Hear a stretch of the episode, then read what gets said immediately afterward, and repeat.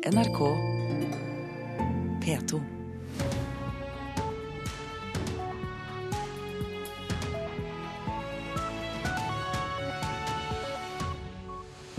Nok en valgseier til Benjamin Netanyahu. Det er hovedsak i Nyhetsmorgen nå onsdag 18. mars.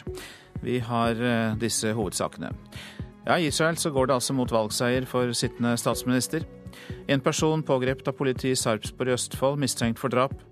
Og mer videreutdanning av lærerne bør skje lokalt for å spare penger, mener KS. Ikke alltid like bra, mener lærernes organisasjon. Da vil en kunne miste en del av det faglige fellesskapet som en har på, på samlingene i dag. Det kan rett og slett bli for smått eh, fagmiljø. Ragnhild Lid, leder i Utdanningsforbundet. Et brev som ble sendt til Det hvite hus, inneholdt trolig giften cyanid. I studio i dag, Øystein Heggen. Det ser ut til at Benjamin Netanyahu fortsetter som statsminister i Israel. Når nesten alle stemmer etter gårsdagens valg er talt opp, ligger hans Likud-parti an til å få 29 representanter i Knesset, mens sentrum-venstre-alliansen får 24, ifølge avisa Haaretz. כנגד כל הסיכויים השגנו ניצחון גדול לליכוד.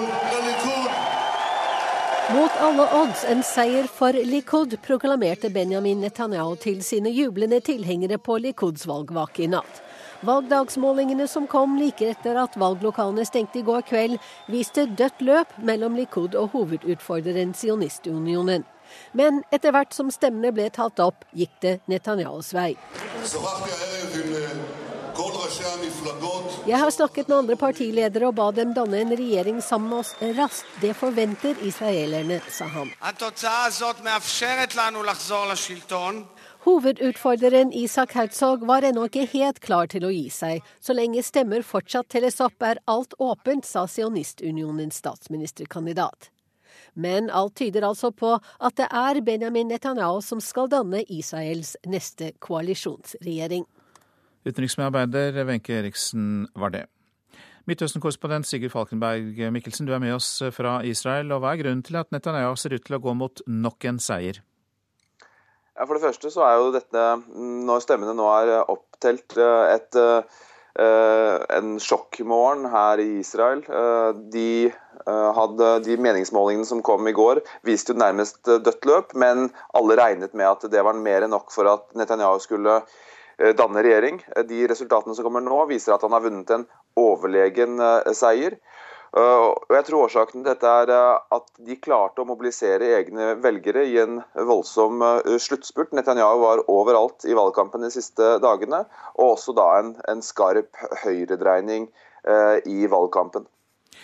Så ikke bare var han aktiv i sluttspurten, men han sa også ting i sluttspurten som kan ha hatt innvirkning på dette resultatet, Mikkelsen?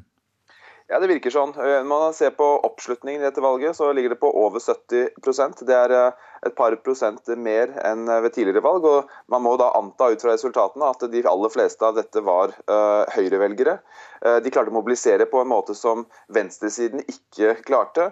Uh, Herzog har en, gjennomført en solid valgkamp, men har vært, det har ikke vært mye det har ikke vært den samme, samme trykket i, i sluttfasen. Uh, og det virker da som Netanyahus uh, voldsomme eller kraftige utspill, uh, bl.a. mot arabiske velgere på valgdagen, hans avvisning av en palestinsk stat, har hatt en effekt. Og det har gjort at høyrevelgerne som har tvilt, har valgt Likud. Han har gitt dem et alternativ enten meg eller venstresiden. og Det gjør at han har svekket noen av de mindre høyrepartiene på å, å styrke sitt eget parti. Kan det da gå mot endringer i Netanyahus politikk etter denne valgseieren? Det virker som han nå, nå har han muligheten i hvert fall til å danne en øh, ganske ren høyreregjering sammen med de religiøse partiene. Så får vi se hvordan koalisjonsforhandlingene går. Det kan være at han får et tydeligere mandat for å drive høyrepolitikk her i Israel. Og så er det en uh, utbryter fra Likud, Moshe Kalon, uh, som uh, stilte til valg.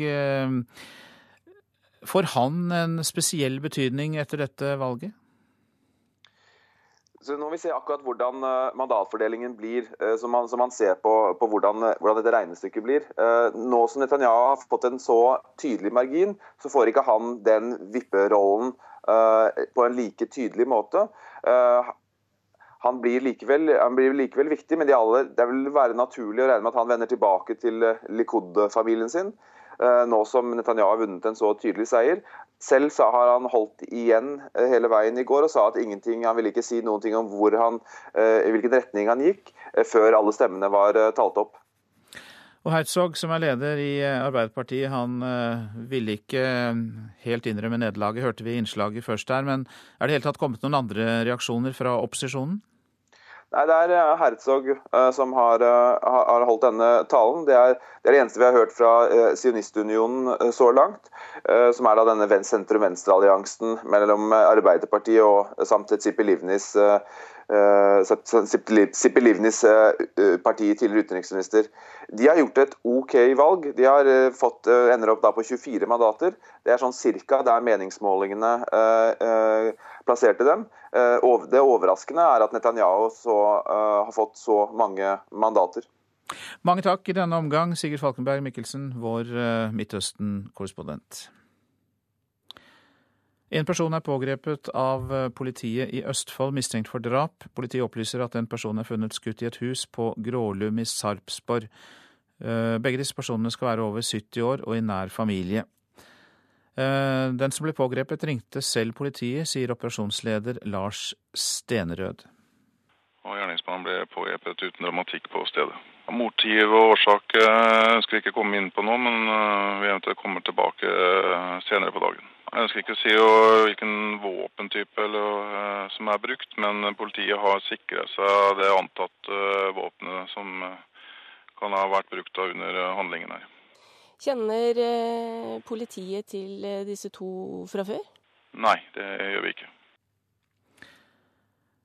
Storbritannia og Tyskland blir nå medlem av den kinesiske infrastrukturbanken AIIB, som USA anser som en konkurrent til Verdensbanken. Flere andre europeiske land legger også an til å søke medlemskap, en utvikling som er eh, upopulær i Washington. Men så kan vi jo spørre hvorfor er dette så viktig, Asia-korrespondent Peter Svaar? Ja, Amerikanerne ser på AIIB som en konkurrent til Verdensbanken, som jo har hatt sitt hovedsete i eh, Washington, og også til Den asiatiske utviklingsbanken, som har vært eh, ledet av USAs nære allierte Japan i hele etterkrigstiden. Eh, og mens formålet til denne nye kinesiske infrastrukturbanken er bygging av infrastruktur i fattige land i Asia, alt fra Sri Lanka til Myanmar, så er det å låne ut penger til havner og tog og veiprosjekter også et verktøy for kinesisk politisk innflytelse. Og Det pågår jo en stillingskrig her i Asia nå, hvor USA og Kina prøver å overtale asiatiske land til å bli medlem av hver sin handelsavtale. Det er en kamp om hvilken eh, sfære forskjellige land skal høre til. Og denne nye banken vil nok gå inn i det samme bildet. Men samtidig, samtidig så ble jo fristelsen stor til å da bli et grunnleggermedlem av denne banken for land som Storbritannia og Tyskland. Eh, de ser at de selv kan tjene på det, og det er jo uvanlig for å si det mildt, at amerikanske tjenestemenn offentlig går ut og kritiserer sin nære allierte Storbritannia, slik de har gjort i denne saken. Nå kan man jo si at eh, det å bygge veier og jernbane ikke høres så veldig kontroversielt ut, men likevel så er det et stridstema, da? Ja, og det er jo fordi finansiering av sånne offentlige og store prosjekter også er et verktøy for politisk innflytelse. Kinesiske investeringer har jo skapt sterke kontroverser mange steder i Asia i mange år. I Sri Lanka eksempel, der ble Kina enig med landets forrige president Rajapaksa om å bygge en stor havneby utenfor Colombo til 1,4 milliarder dollar.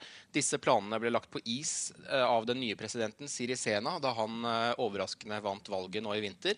Og så er det nå et heftig kinesisk diplomati som ser ut til å sikre en ny snuoperasjon, slik at denne havna blir bygget likevel. Men kritikerne på Sri Lanka mener at dette er, kan være en trussel mot landets nasjonale sikkerhet. Eh, det har vært snakk om at kinesiske ubåter skal bruke denne havnebyen som base. At dette kan bli ledd i også kinesisk militær, militær dominans i Indiahavet. Og andre strid, steder her i Asia er det også strid om hvorvidt kinesiske lån også vil inneholde krav om kinesiske leverandører.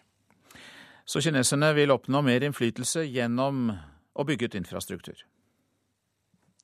Ja, og de er jo også frustrert over det kineserne ser på som et utdatert internasjonalt system nå. Det er eh, institusjoner som eh, IMF, Verdensbanken, men også andre, eh, ifølge Kina ikke har endret seg i takt med dette landets vekst, og der man ikke har gitt Beijing rom, det rommet de mener de er berettiget til. Denne, med denne investeringsbanken så tar jo kineserne på mange måter skjeen litt i egne hender. Og så har Kina store ambisjoner, nærmest enorme ambisjoner, her i Asia. Den såkalte maritime silkevei Silkeveien, et nettverk av havner og skipsleder, og en ny silkevei eh, over landjorda gjennom Asia og Europa med både vei og jernbane. Eh, kineserne vil øke handelen, de vil spre kinesiske produkter, men de vil også spre sin innflytelse. De sysler med planer om lyntog til Moskva. Eh, så, så, måten å få dette til på, og få denne visjonen til på for kineserne, er jo å låne penger til fattigere land, men hvor gjelden også vil sørge for at lokale regjeringer og myndigheter lytter ekstra nøye når kineserne ønsker seg noe. Takk for at du var med oss i Nyhetsmorgen, Asia-korrespondent Peter Svaar. Et brev som er sendt til Det hvite hus, inneholder trolig giften cyanid. Foreløpige tester tyder på at det var cyanid i brevet som ble mottatt mandag, opplyser Secret Service, som har ansvaret for å ivareta den amerikanske presidentens sikkerhet. På brevet var det skrevet en avsenderadresse, ifølge et politidokument som nettstedet The Intercept har fått tilgang til. Adressen tilhører angivelig en mann som også tidligere har sendt brev og pakker til Det hvite hus, og som Secret Service har vært oppmerksom på helt siden 1995. Avisene nå. Døtrene til milliardæren John Fredriksen stilles ut mot sin vilje, skriver VG. Kunstmaleren Vebjørn Sand har malt bilder av tvillingene Cecilie og Katrine Astrup Fredriksen, fremstilt som greske gudinner. Søstrene er skuffet over at Sand ikke respekterer deres ønsker. Oda Ystrøm på 23 år er en av dem som er redd hun må se langt etter boliglån, skriver Dagens Næringsliv. Hun frykter at Finanstilsynets forslag til nye boligkrav vil gjøre boligdrømmen uoppnåelig. Mange politikere og eksperter sier til avisa at forslagene er usosiale. Jubel for mobbebøter i skolen. Utvalg foreslår bøtelegging av kommuner som ikke stopper mobbing. Det er oppslagene i Vårt Land og Adresseavisen i dag. Øystein Djupedal, som leder utvalget, er sikker på at forslaget vil kunne hjelpe tusenvis av barn. Politifolk sendt hjem etter 17. mai-fyll i Kabul, er oppslaget i Bergens Tidende. Med store mengder alkohol i kroppen skal væpnede og uniformerte norske politifolk ha gått i Kabuls gater i mai 2008. Kalaset endte med at flere politimenn ble sendt hjem etter få ukers tjeneste, ifølge den pensjonerte politimannen Dag Arne Guttormsen. President Vladimir Putin svarer på norsk militærøvelse. Det sier eksperter til Aftenposten om at den russiske Nordflåten er satt i beredskap. De mener at det har sammenheng med at Norge avholder den største militærøvelsen i Finnmark siden 1967. Forsvaret er på full fart inn i systemkollaps, sier generalmajor Robert Mood til Dagsavisen. Forsvaret trenger lang tid på oppbemanning og trening før det fungerer som det bør, sier Mood, som har vært generalinspektør i Hæren vil skjære bort 1500 årsverk i Forsvarets støttefunksjoner. Det skriver Klassekampen. Konsulentselskapet McKinsey foreslår innsparing for mellom 3,6 og 4,5 milliarder kroner i året i Forsvaret. Kraftig vekst for sau og lam kan vi lese om i Nasjonen. Næringen venter at bøndene investerer i 42 000 flere dyr i år. Det har sammenheng med at tilskuddsordningen er endret, og at det er mer attraktivt med storfjøs for sau og lam. Rådene som skal bremse hjernesvikt, er oppslaget i Dagbladet. Trene, trimme hodet og spise sunt er da bidrag til å bremse forstadiet til demens. La videreutdanningen komme til lærerne og ikke omvendt, det mener kommunenes interesseorganisasjon KS. Ifølge KS bruker kommunene i dag store summer på reise og opphold til lærere som tar videreutdanning, og at pengene kunne vært brukt bedre.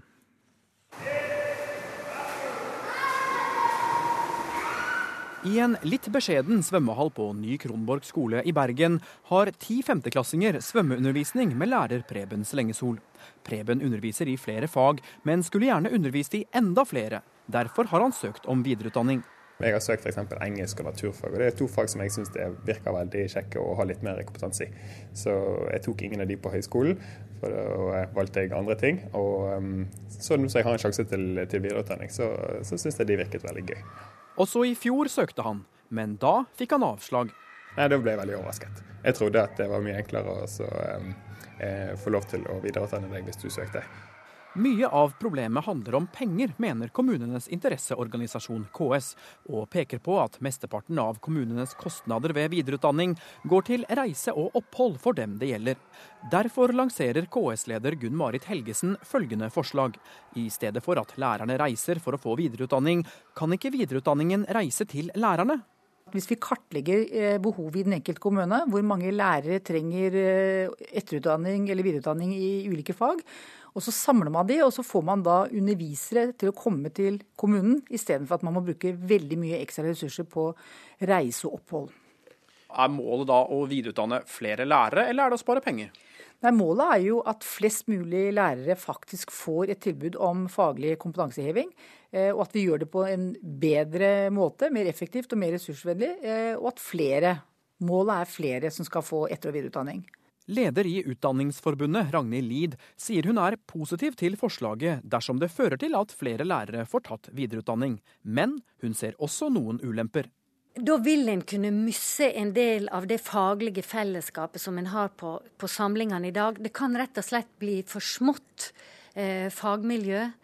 Uh, og så kan en også risikere at lærerne ikke får tatt det som en del av jobben sin, men at en da må ta alt på fritida, altså i tillegg til full jobb. Det vil gå utover kvaliteten på studiet. I Bergen venter nå lærer Slengesol, spent på om han i år er blant de heldige som får videreutdanning. Eh, hvis lærerne kan føle at de er kompetente til å undervise de fagene som de liker, og, og, så tror jeg det gagner både elevene og skolen. Og, ja, og læreren vil sette, uh, synes at det er greit. Også kunnskapsminister Torbjørn Røe Isaksen er positiv til forslaget fra KS. Jeg syns det er et veldig godt forslag. og Vi er veldig på tilbudssida for at man skal kunne lage nettopp den type lokale løsninger sammen med kommuner, lærere og høyere utdanning. Hva er det som er de store fordelene ved det her, sånn som du ser det? En fordel med at man gjør det mer desentralisert, det er selvfølgelig at uh, da kan flere lærere fra samme sted ta utdannelse samtidig. En annen fordel er at man for noen lærere så vil det være en fordel å slippe reisingen. Det betyr ikke at alt kan gjøres desentralisert, men det betyr at det er store muligheter innenfor dagens ordning til å gjøre det. Og Han viser til at det å la videreutdanninga komme til lærerne allerede praktiseres i Finnmark. Der har vi, har vi fått beskjed om at et problem er at for mange lærere må reise bort da forsøker man å rigge et eh, tilbud som er nærmere lærerne. Hvis en sånn type eh, ordning som nå er gjennomført i Finnmark eh, fungerer godt, er det da en sjanse for at det kan bli overført til hele landet? Ikke, ikke bare en sjanse, dette kan man gjøre lokalt. og Det dreier seg rett og slett om at flere kommuner da går sammen, koordinerer seg imellom, og så tar kontakt med sin høyere utdanningsinstitusjon og sier her er våre ønsker. Ser du noen fallgruver ved en sånn ordning? Så lenge kvaliteten er god nok, eh, for det er et absolutt minstekrav, men så lenge kvaliteten er god nok, så ser jeg ikke noen ulemper med det, nei. Men det er ikke snakk om å gjøre om alle videreutdanningstilbudene til en slags brevkurs. Det er det jo ikke. Sa kunnskapsminister Torbjørn Røe Isaksen. Reportere var Eva Marie Bulai, Runa Victoria Engen og Halvard Norum. Og mer om denne saken blir det også i Politisk kvarter på P2 om en knapp time. Du lytter til Nyhetsmorgen, og klokka den har passert 6.48. Dette er hovedsaker. I Israel går det mot valgseier for statsminister Benjamin Netanyahus parti Likud. En person pågrepet av politiet i Sarpsborg i Østfold, mistenkt for drap. Og vi skal høre at mange foreldre ikke klarer å henge med i utviklingen på de sosiale mediene. Alpinisten Kjetil Jansrud kan i dag ta sin andre sammenlagtcup for sesongen. Forrige helg avgjorde han super-G-cupen, og for dagens siste utforrenn for sesongen leder han med 20 poeng på østerrikske Hannes Reichelt. Men problemet er at Reichelt er i storform. Mye kan gå bra, mye kan gå galt òg, så det er eh, bare å holde fokus og passe på at man kan eh, kjøre et ja, siste sjanse til å levere en god prestasjon. Det er en seier i Kitzbühel! Du kjører om Kjetil Jansrud! Se på farten! Det er nesten to måneder siden seieren i Kitzbühel. Siden den gang har det blitt kjørt tre utforrenn i verdenscupen. Jansruds beste resultat er 20.-plassen i Kvitfjell. Det holder neppe i dag, for Hannes Reichelt har vunnet de to siste renna, og nå er han bare 20 poeng bak Jansrud i utforcupen. 20 poeng det er jo forskjell mellom første, andre og tredje skiller 20 poeng. Så, så jeg går ut fra at det ikke sikkert jeg trenger en seier, men, uh, men det er veldig mye lettere hvis jeg tar en seier. Så, um, så det, er, det er fint utgangspunkt å ha det. Jansrud har allerede sikra seg super-G-kula, og han tar gjerne ei i utfor også. Nå har jeg jo kommet til siste endestoppet, hvor, og jeg fremdeles er med i kampen og egentlig leda, cupene hele veien. Så, så jeg, jeg, ønsker gjerne å ta den hjem. Men 29-åringen fra Vinstra stoppa ikke der. Han har nemlig heller ikke gitt opp verdenscupen totalt. Med tre renn igjen er han 164 poeng bak leder Marcel Hirscher. Sannsynligheten er jo liten, men jeg kommer til å kjempe, kjempe til siste rennet, for man vet aldri hva som skjer. Og alt skal avgjøres i løpet av noen dager i franske Meribel. Men om Jansrud liker seg i de bakkene, det er det ingen som veit. Det, det aner jeg ikke, for jeg har aldri kjørt der før. Så jeg vil la oss, si, la oss håpe vi sier at jeg pleier å gjøre det bra i Meribel. Og utfor Meribel kan du høre på NRK Sport fra klokka 9.25. Reportere Henrik Agledal og Øystein Fossum. Foreldre til barn som blir født for tidlig, må bo under svært dårlige forhold ved Stavanger universitetssykehus. Det sier Anne Therese Oksås Dambo, som for et år siden bodde på avdelingen i flere uker.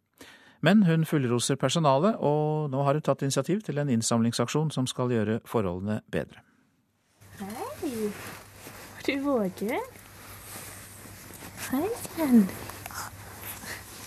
Lotta kom jo en god del før tidlig og trengte pustehjelp og diverse hjelp. Hun var 1300 gram, og jeg syns hun var kjempeliten. Det er ett år siden Lotta kom til verden på Stavanger universitetssykehus. Ti uker før termin. Mamma, Anne Therese Oksås Dambo, måtte tilbringe flere uker på intensivavdelingen for nyfødte, for dattera trengte hjelp for å overleve. Du lever i en uvisshet ganske lenge. Jeg føler at jeg kanskje ikke slapp det helt av før hun kom ut av intensiven og ble lagt eh, i seng, vanlige seng, istedenfor å se på henne gjennom glasset. I ni uker bodde hun på sykehuset, og mens hun fullroser personalet på avdeling 3D Veldig flinke sykepleiere. Får fasilitetene der foreldrene bor, strykkarakter. Det er kaldt, det er ikke skapplass, det er det ser ut som en celle, mer eller mindre. Jeg mener at det koster ikke mye å få fiksa det opp, og det er jo her vi på en måte vil bidra. Gjennom Facebook har hun nå dratt i gang innsamlingsaksjon for at foreldrerommene på avdelingen kan pusses opp. I løpet av ett døgn har sida nærmere 1000 følgere. De fleste som tar kontakt, har vært der og opplevd det. Noen fra mange år siden, og noen nå nylig, og vet hvor ille det er, og vil eh, hjelpe til. Dette er foreldrerommet, da. En av de. Mm. Sykehuset har jo ikke penger til å pusse opp eh, rommene, og da er vi veldig glade når noen tar sånne initiativ. Anne Dalseng er assisterende avdelingssykepleier på 3D og veldig glad for frivilligheten. Det spares til dyrt utstyr, og oppussing av foreldrerommene er det ikke penger til. Det er jo mange foreldre som eh, ikke vil være på rom fordi at rommene ikke er Der er jo ikke toalett, og der er ikke dusj. Og det er ikke særlig fine rom. Det er ikke noe moderne. Det å på en måte leve i en sånn en eh, atmosfære når du i tillegg er i den situasjonen du er i, det hjelper ingenting. Det er stadig flere mennesker som velger å, å gi noe tilbake.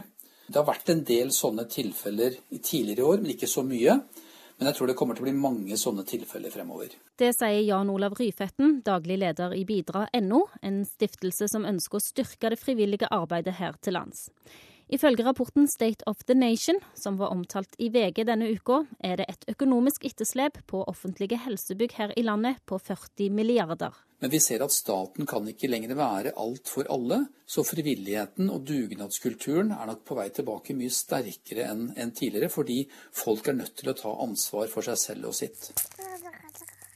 Vi er så takknemlige for at vi har fått det sånn som vi har fått det, og at Lotta er her i dag, frisk og rask, etter all den hjelpen hun fikk der oppe.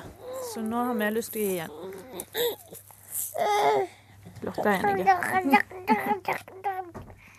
Reportasjen var laget av Cecilie Berntsen Jåsund. Å holde tritt med utviklingen i de sosiale mediene er en utfordring for mange foreldre. Fire av fem foreldre syns det er utfordrende. Det viser en undersøkelse. Mange oppgir at de ikke selv bruker de sosiale mediene som barna bruker. Plutselig så var han jo på Instagram uten at jeg hadde helt fått det med meg. Ja, det er ikke bare bare å følge med. Det er lettere for de å oppdage nye ting, og da får de bare holde meg oppdatert. Det sier Laila, som tar ei handlerunde på Storosenteret i Oslo sammen med sønnen Tinius. Han er sjøl aktiv på Instagram, men mora bruker det mindre. Mamma er ikke særlig mye på det, fordi hun må passe litt mer på jobben og sånn. For et år siden så begynte jeg selv både med, med, Snapchat og jeg begynte med Instagram for et halvt år siden. Sier Berit Svendsen, administrerende direktør i Telenor Norge, som har tinga undersøkinga fra Norstat. For jeg vet nå at min datter på tolv hun har begynt å mase om de tjenestene. Og da vil jeg forsøke å finne ut hva det var, før hun begynner med dem. Men det er ikke alle som synes det er like lett å holde tritt med barna sine liv på sosiale medium. Blant de tusen foreldre som har svart på undersøkinga, sier fire av fem at det er utfordrende å holde seg oppdatert. Like mange sier at det er utfordrende at det de har lært seg om sosiale medium, blir raskt utdatert. Det er jeg faktisk litt overrasket over. Jeg tenker at Sosiale medier er jo blitt eh, folkekanaler for det brede laget av folket. Mennesker i alle aldersgrupper bruker disse kanalene. Eh, og Da burde man også anta at kunnskapsnivået burde være noe høyere enn det den undersøkelsen eh, sier. Det sier Cecilie Staude, høgskolelektor ved BI og ekspert på sosiale medium.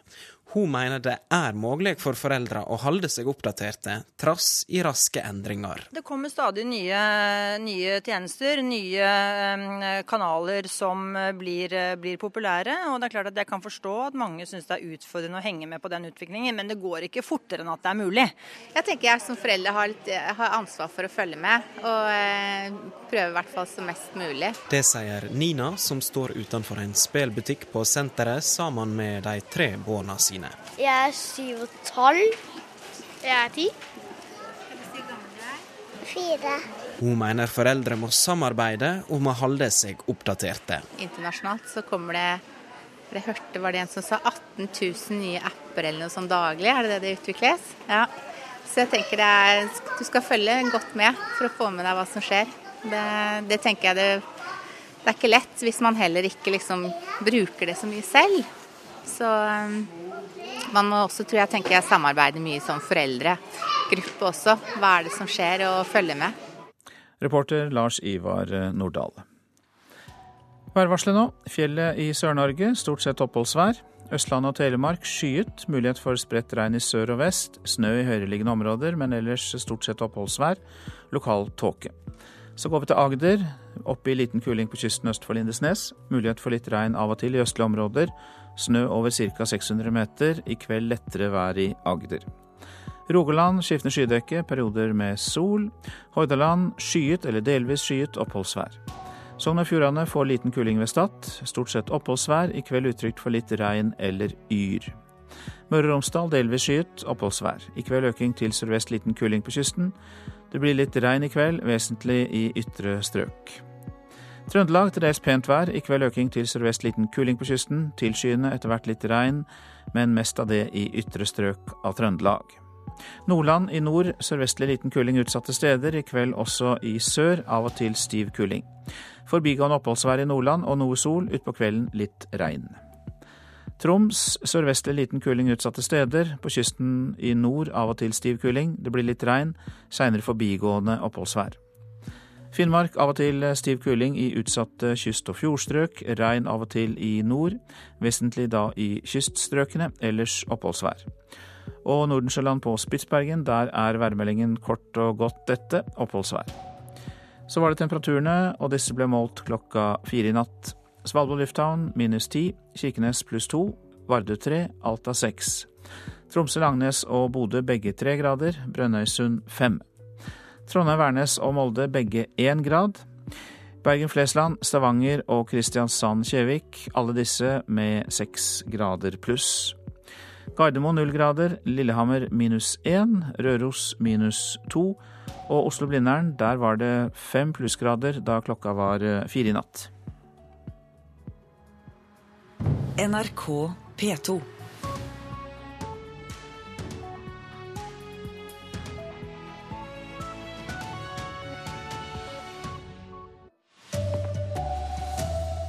Klar valgsiger for statsminister Benjamin Netanyahu i Israel. Drap i Sarpsborg. Eldre mann pågripen for drapet. Her er NRK Dagsnytt klokka sju. Den israelske statsministeren Benjamin Netanyahu ønsker å danne ei regjering raskt etter en klar valgsiger. Mot alle odds, dette er en stor siger for Likud, sa Netanyahu da han talte til tilhengerne sine. Når nesten alle røystene er talt opp, ligger partiet hans an til å få 27 representanter i nasjonalforsamlinga. Hovedrivalen, sentrum-venstre-partiet i Sionistunionen, ser ut til å få 24 representanter. En mann er pågrepet etter at en person ble funnet skutt og drept i et hus i Sarpsborg i Østfold sent i går kveld. Gjerningsmannen ringte selv politiet og ble pågrepet uten dramatikk. Begge de involverte er over 70 år og er i nær familie. Personer over 50 år med store leiligheter er de som kommer til å merke det minst dersom Finanstilsynet sine forslag for å kjøle ned boligmarkedet blir innførte. Det tror Kristian Wammervold Dreyer i Eiendom Norge. Han tror det er prisene på småleiligheter som vil stoppe opp først. En dempet prisutvikling, hvis dette blir vedtatt, er først og fremst på leilighetsmarkedet, og da gjerne de små leilighetene, som jeg tror blir rammet før. Jeg tror større boliger, gjerne for det eldre segmentet, vil merke liten effekt. Og det samme jeg tror jeg gjelder for det store deler av eneboligmarkedet. Du nevnte de litt eldre. Hvor eh, høyt opp snakker vi da? Er det 50 pluss, 60 pluss, eller hvem er det som kan eh, styre unna denne eh, effekten som du kommer til å få på boligmarkedet? Det handler om de som ikke er så eksponert på gjeldssiden. Og 50 pluss er egentlig en god definisjon på det. Reporter Eva Marie Bulai. Storbritannia og Tyskland blir nå medlemmer av den kinesiske infrastrukturbanken AIIB, som USA ser på som en konkurrent til Verdensbanken. Også flere andre europeiske land ligger an til å søke medlemskap, ei utvikling som er særs upopulær i Washington, sier Asia-korrespondent Peter Svaar. Mens formålet til denne nye kinesiske infrastrukturbanken er bygging av infrastruktur i fattige land i Asia, alt fra Sri Lanka til Myanmar, så er det å låne ut penger til havner og tog og veiprosjekter også et verktøy for kinesisk politisk innflytelse. Og Det pågår jo en stillingskrig her i Asia nå, hvor USA og Kina prøver å overtale asiatiske land til å bli medlem av hver sin handelsavtale. Samtidig så Eh, ble jo fristelsen stor til å da bli et grunnleggermedlem av denne banken for land som Storbritannia og Tyskland. Eh, de ser at de selv kan tjene på det, og det er jo uvanlig for å si det mildt, at amerikanske tjenestemenn offentlig går ut og kritiserer sin nære allierte Storbritannia, slik de har gjort i denne saken. NRK Dagsnytt var ved Vidar Eidhammer. Her i Nyhetsmorgen skal vi høre hvordan Benjamin Netanyahus tilhengere tok imot sin gjenvalgte statsminister i natt. Men hva sier en av aktivistene fra den israelske fredsbevegelsen til resultatet? Vi får besøk i studio. Leger frykter at ny lov skal føre til at færre som trenger det, får donert nye organer. Prisveksten på små leiligheter og rekkehus kan stoppe dersom Finanstilsynet får gjennomslag. Mer om det vi hørte i Dagsnytt, også her i Nyhetsmorgen. Benjamin Netanyahus parti Likud ligger altså an til å få 29 representanter i nasjonalforsamlingen idet nesten alle stemmer er talt opp etter valget i Israel. Likuds viktigste utfordrer, valgforbundet Sionistunionen, ser ut til å få 24 mandater, ifølge avisa Haaretz. Slik hørtes det ut da statsministeren møtte sine tilhengere i natt.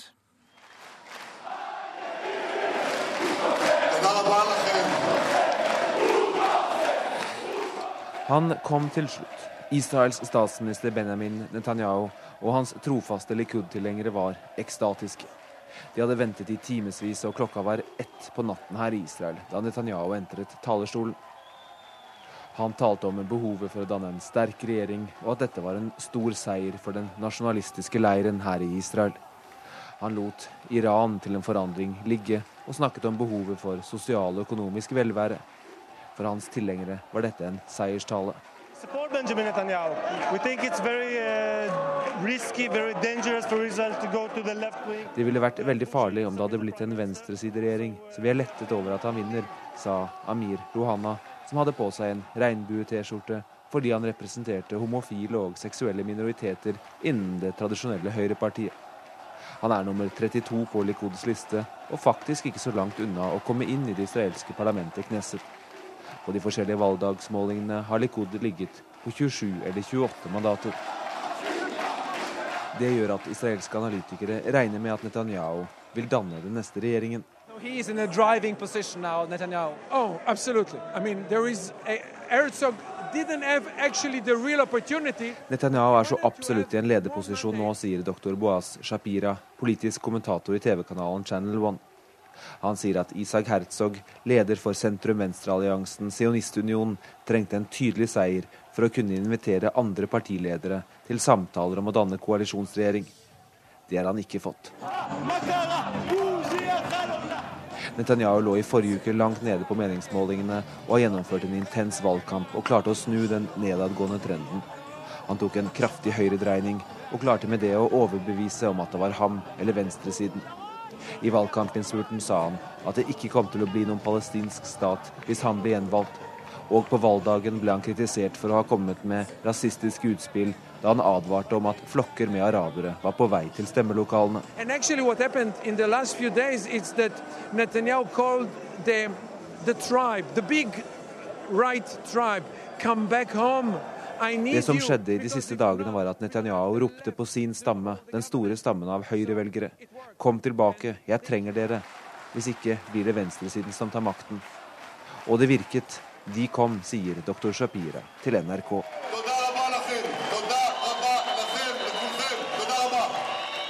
Sigurd Falkenberg Mikkelsen, Tel Aviv. Og nå er du med oss direkte, Sigurd Falkenberg Mikkelsen. Ja, du antydet jo eh, noe av svaret i det siste du sa i reportasjen her. Men si litt mer om eh, de viktigste grunnene til at Netanyahu vant valget mot alle odds, som han formulerte det selv. Ja, Dette var jo en uh, knockout-seier for Benjamin Netanyahu. Mye større enn noen hadde uh, trodd. Også Likud-tilhengerne jeg traff uh, i går, de var jo fornøyd med, et, med, det som så ut til å bli et uavgjort. Nå er jo morgendagen, altså disse i morgentimene vist at han får en, får en betraktelig større seier, opp mot 30 mandater mot 24 for Isak Herzog. Så dette er en personlig seier for Netanyahu. Dette har vært en valgkamp som har dreid seg veldig mye om et for eller mot Netanyahu. Og Israel har jo da tatt et tydelig valg for Netanyahu. Og I tillegg til de grunnene som, som vi var inne på i reportasjen, altså at han har fått fram budskapet sitt om at det var et tydelig valg mellom ham og venstresiden, så virker det også på meg som mange av altså at Høyresiden har vært, har vært flinke til å få ut sine egne velgere. Jeg var på noen av på et valgmøte for eksempel, sentralt i, i Israel, hvor eh, hele Likud-maskineriet var ute eh, for bevisst å få ut sine kjernevelgere. og Det ser ut som de har lykkes med. Det er en høy valgdeltakelse. Eh, og Gitt resultatet så må man anta at eh, veldig mange av de som kom for å stemme ekstra, eh, som ikke gjorde det sist, kom fra høyresiden. Og Hva er reaksjonene i opposisjonen, som da fortsatt ser ut til å bli opposisjonen? De har ikke kommet med noen uh, uttalelser etter at uh, disse siste tallene var uh, klare. Herzog forsøkte å gjøre en holde maska i går. Han har i og for seg ikke gjort noen dårlig valgkamp, men det er nok stor skuffelse der, fordi mange trodde, ikke bare inn på venstresiden, også på høyresiden, at det kom til å bli et skifte. I hvert fall at muligheten var der. Den muligheten er ikke lenger til stede. Så de må jo på en eller annen måte erkjenne nederlag. Men samtidig så har Herzog tatt Arbeiderpartiet under denne alliansen alliansen med Tsipelivni til et nivå som de ikke har vært på på lenge. Hvilke endringer kan valget få for israelsk politikk? Ja, Det gjenstår jo å se. Det avhenger jo litt av hvordan, hvilken linje Netanyahu velger å legge seg på, og hvem han tar inn i regjering. Nå har han ganske uh, frie hender, uh, og skal man dømme ut fra valgkampen, i hvert fall, så vil det være en kraftig høyredreining av israelsk politikk, og, og også Israels forhold til palestinerne. Han sa, som vi var inne på tidligere, at det ikke kom på tale med en palestinsk stat. og Man kan jo også tenke seg at forholdet til både til Europa og til USA kommer til å bli, eller fortsatt være vanskelig. Mange takk, Sigurd Falkenberg Mikkelsen, som rapporterte fra Israel. Mariann Bodd Engen, velkommen. Takk. Du, du, er selv jødisk, har bodd i Israel og vært fredsaktivist, eh, vært med i bevegelsen der. Eh, hva syns du om resultatet? Ja, jeg er jo selvfølgelig skuffet, men jeg er overhodet ikke overrasket. Og jeg kan ikke skjønne at eh, så veldig mange kan være det heller. Ut ifra det jeg har pratet med de jeg kjenner i Israel, så var det ikke så veldig mange som trodde på at det skulle bli noe nye som skulle styre det landet etter valget. Hvorfor uh, sier de du snakker med det? Jo, fordi at uh, selv om det er eh, økonomi, fattigdomsproblemet, som er det største som opptar den vanlige israeler i dag, nemlig det at folk får ikke endene til å møtes, ungdom kan ikke studere, boligprisene har økt med nesten 40% de siste årene. Så med en gang Bibi Netanyahu ser at det er sånne sosiale problemer, så skriker han at nå kommer araberne, og nå må vi passe på vår sikkerhet. og og da blir folk redde, og denne skremselpropagandaen den virker tydeligvis godt i Israel. I løpet av denne valgkampen, den har jo du fulgt med på. Hva var det som fikk eh, temperaturen mest opp hos deg? Nei, det jeg syns er uh, skremmende, det er at en eh, leder som Benjamin Netanyahu, som uh, ikke jeg har noe særlig sans for av forskjellige grunner, som jeg ikke kan komme inn på her, på valgdagen eller dagen før, det er jeg ikke helt sikker på, sier at under min regjeringstid blir det ikke noe palestinsk stat noe han tidligere har gått inn for, i hvert fall gått inn for samtaler om den saken. Det syns jeg er eh, skremmende, og det er ikke bra for Israel. Og det er ikke bra for palestinerne, selvfølgelig. Og, og jeg tror at uh, dette er uh, et tilbakeskritt, men i og med at Netanyahu er så vinglete, så håper jeg at han skifter tilbake til det han sto for før, når det gjelder f.eks. Palestina-spørsmålet. Hva vil du helst se at en israelsk regjering da gjør i Palestina-spørsmålet?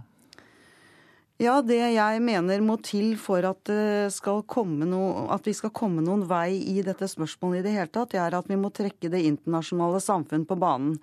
Vi må slutte å holde med den ene eller den andre parten, akkurat som vi gjør i en fotballkamp. For dette er ikke en fotballkamp, dette er et alvorlig problem hvor både israelere på den ene siden og palestinere på den andre siden lider. Og, og, palestinere har nå i så mange år ønsket sitt eget land. Og jeg tror at denne konflikten er så fastlåst at vi må få den internasjonale Altså det politiske bildet må styres fra eh, stormakter og eventuelt Europa. Men vi må passe oss for å ikke gå i fella og drive med boikottpolitikk. Vi må få folk som er villige til å hjelpe regionen til å komme på rett vei, så vi kan få en løsning en gang for alle. Det syns jeg er viktig. Helt til slutt, Du har bodd i Israel i 18 år, du flyttet tilbake for åtte år siden. Eh, til slutt, Hva er forskjellen på det Israel eh, du så den gang, og det Israel som barna dine bor i?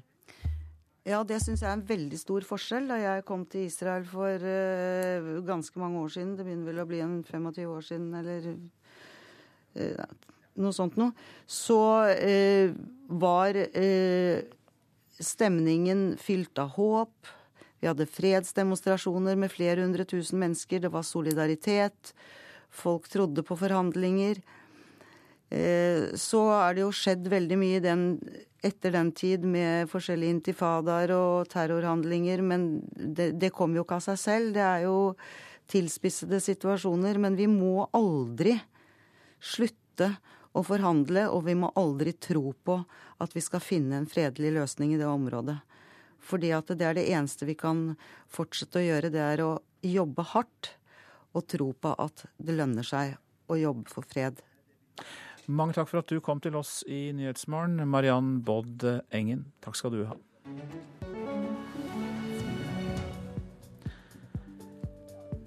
Ja, det er eh, Vi, er, eh, vi skal snakke om uh, boliger og prisvekst på boliger etter hvert. Men først har vi noen hovedpunkter her i Nyhetsmorgen, og klokken er 7.14. Israel går altså mot valgseier for Benjamin Netanyahus Likud-parti. En person pågrepet av politiet i Sarpsborg i Østfold mistenkt for drap. Og leger frykter at ny lov skal føre til at færre som trenger det, får donert nye organer.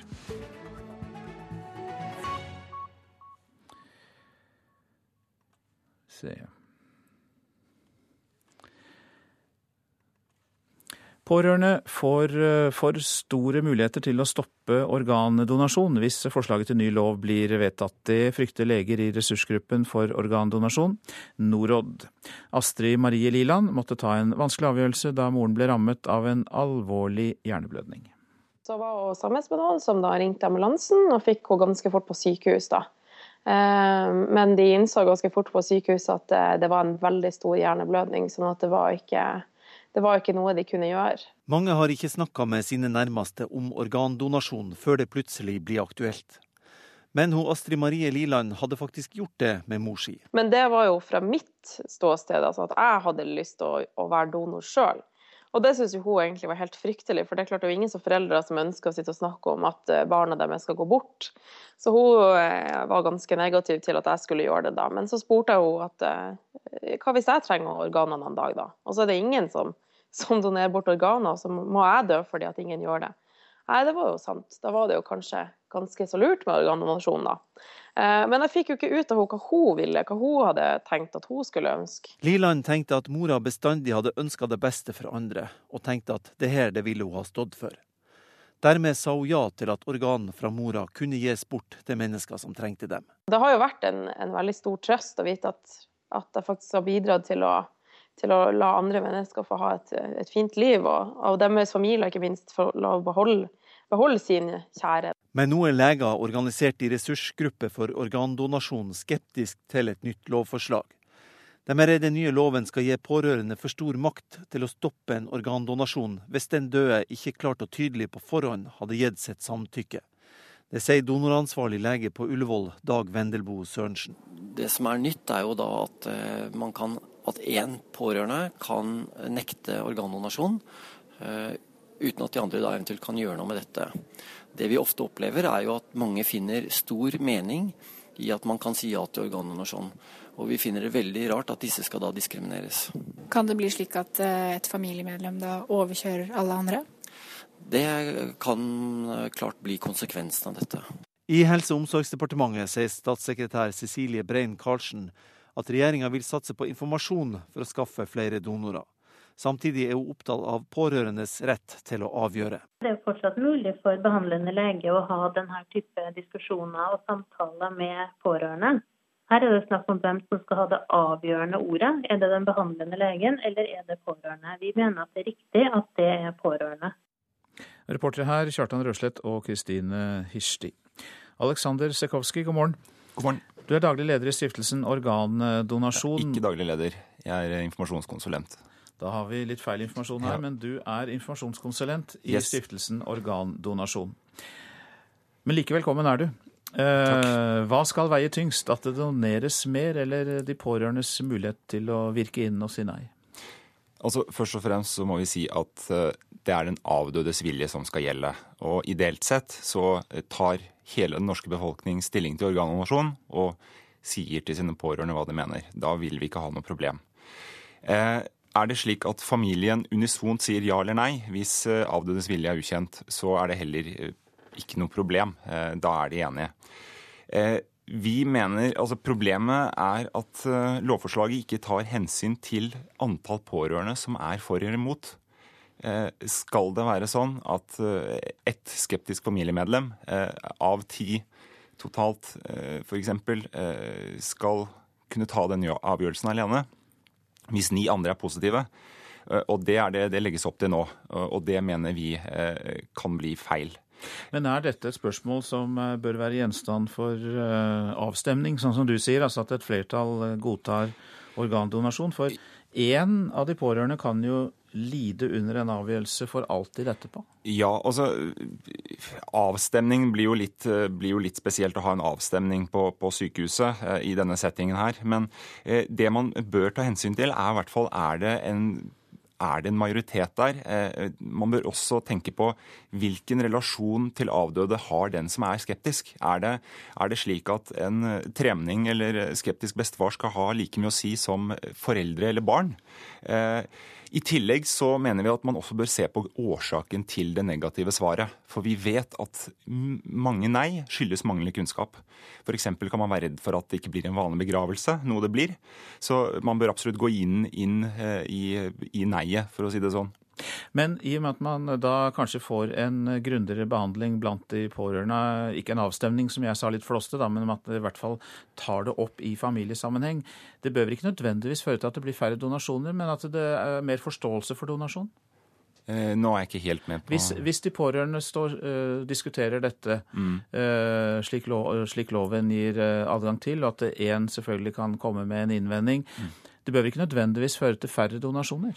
Nei, ikke nødvendigvis. Det kan gå begge veier. Vi, kan, vi ser også iblant at de mest skeptiske blir, faktisk blir eh, overtalt mm. uh, av, av, familiemedlemmer. Uh, uh, og det er jo sånn. Men, men det vi rett og slett syns er litt betenkelig, er at i Ofte så kan det faktisk være andre ting. Det kan være andre konflikter i familien som gjør at, at dette også blir en konflikt.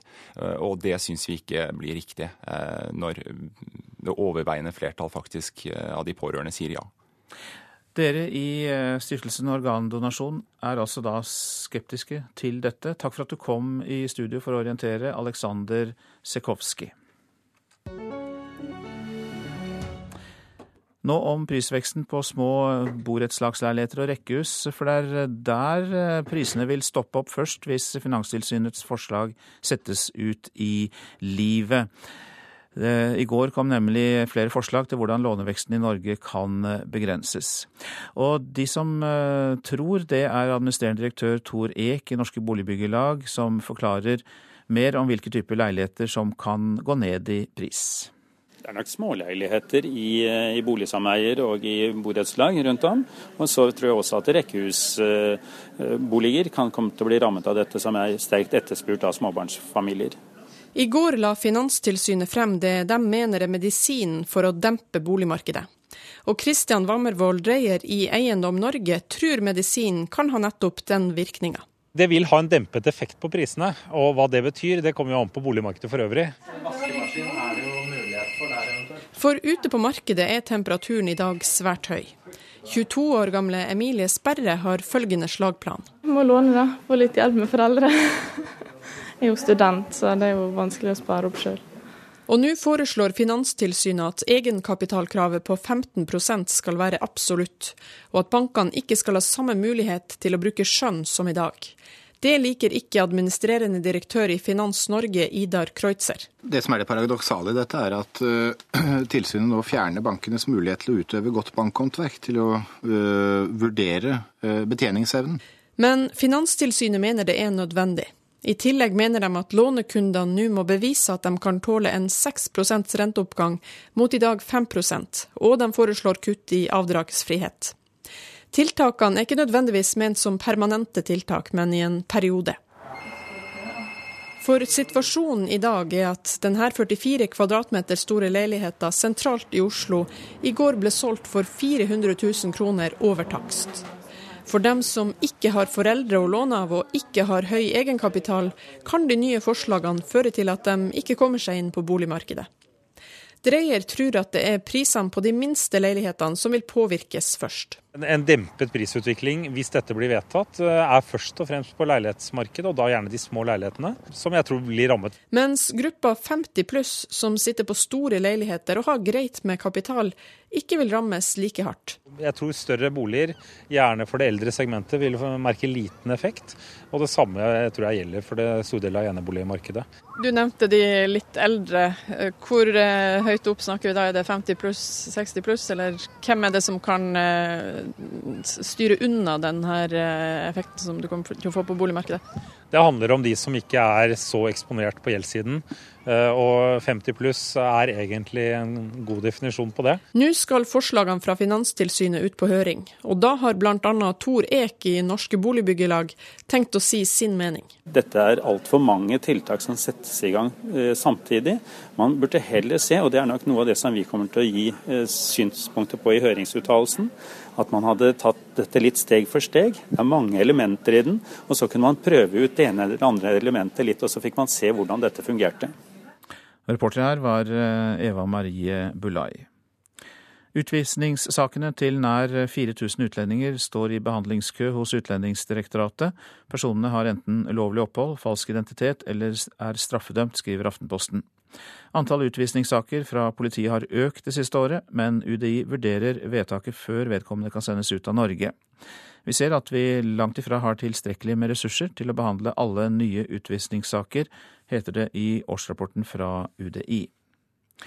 Flere norske politimenn ble sendt hjem fra Afghanistan etter at de var fulle på en 17. mai-fest på den norske ambassaden i Kabul i 2008.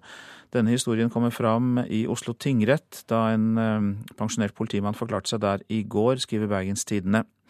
Politimannen har saksøkt staten fordi han mener han mistet sikkerhetserklæringen sin uten grunn. Han fortalte at under 17. mai-feiringen altså, så drakk de norske politimennene mye før de væpnet seg og reiste til ambassaden. Ingen fra myndighetene vil kommentere disse påstandene, fordi de eh, nå kommer fram under en pågående rettssak.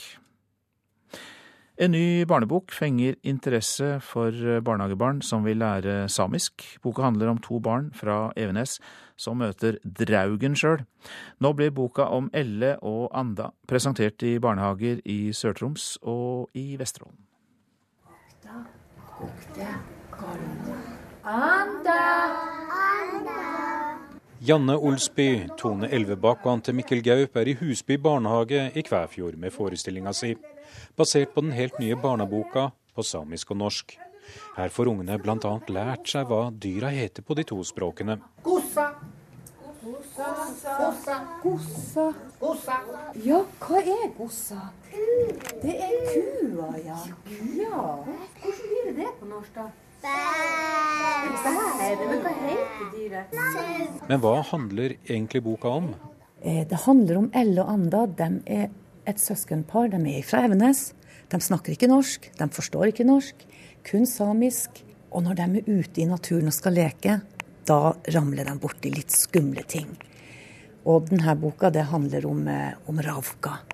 Og ravga, det er kanskje det på norsk eh, som vi ville sagt draugen. Veldig skummel. Det er kanskje ikke så mye ungene forstår av selve språket ennå, men de sitter som tente lys og forstår hva det handler om. Det er nå noen som skjønner litt av det Elle og Anda prater om. Så husker de nå den dagen de var i fjæra. Hysj, Elle og Anda! Ante Mikkel Gauppi fra Varjobaiki. Du er språkkonsulent og lærer på Varjobaiki samisk språksenter i Skånland. Eh, når du opplever dette her, hva, hva, sier det om interessen for samisk språk? Det viser jo at denne eh, gruppa med, med småbarn, barnehagebarn, de er mottakelige for eh, alle språk, også samisk. De vil gjerne lære, og de er veldig flinke å uttale og si ordene etter. Veldig veldig riktig. Det er en oppvåkning om den samiske kulturen i Vesterålen og i Sør-Troms nå. Ja, samisk har ikke stått særlig i kurs, bl.a. her i Kvæfjord kommune. Det er i ferd med å snu. Ja, absolutt. Så er det blitt større interesse. Og det er ikke så tabubelagt heller nå som det var tidligere. Det sier Mai Hilde Gams, som er pedagogisk leder ved Husby barnehage. En dag i uka skulle to av barna her få samisk språkundervisning. Nå vil alle ungene være med. De syns det er veldig gøy. De syns det er artig å lære å telle og lære regler. Så det har vi brukt en del i eh, samlingsstunder også. Så nå eh, bruker de også å oppfordre sjøl til å telle på samisk. For Kvæfjord har jo også en slags samisk eh, historie? Ja, det har den òg. Og det er også derfor det er viktig da å beholde språket og kulturen, tenker vi. Og den samme interessen er det utover i Vesterålen på den andre siden av fylkesgrensa, sier Janne Olsby, ei av de som har skrevet boka om LO og Anda. Absolutt. Absolutt. Det er veldig i tiden. Spes kanskje spesielt Vesterålen. Kanskje spesielt Vesterålen. Det, der eh, har det jo vært, Vi har jo sett i media at der har det blomstra. Der har de en sterk forening, og eh, der har de gjort mye positivt siste, siste tida. Den reportasjen var laget av Nils Mere. Du lytter til Nyhetsmorgen. Produsent i dag Ingvild Ryssdal. Her i studio Øystein Heggen.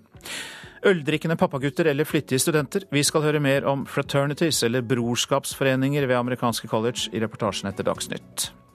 Brukes pengene til etterutdanning av lærere riktig? Spørsmålet blir stilt i Politisk kvarter. Der møtes KS og Utdanningsforbundet til debatt kvart på åtte.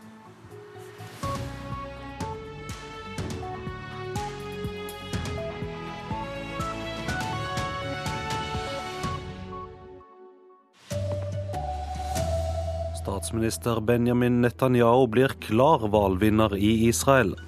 Drap i Sarpsborg, både offer og gjerningsmann er over 70 år. Foreldre fortviler. Det er umulig å holde seg oppdatert på hva ungene gjør på nett. Her er NRK Dagsnytt klokka 7.30. Benjamin Netanyahu og hans konservative Likud-parti har vunnet en overraskende stor siger i valget i Israel. Så å si alle stemmene er nå talt opp, og Likud ser ut til å få 30 plasser i nasjonalforsamlinga Knesset, medan hovedutfordrerne i sionistunionen bare får 24. Mot alle odds en siger til Likud, sa Netanyahu til jublende tilhengere i natt.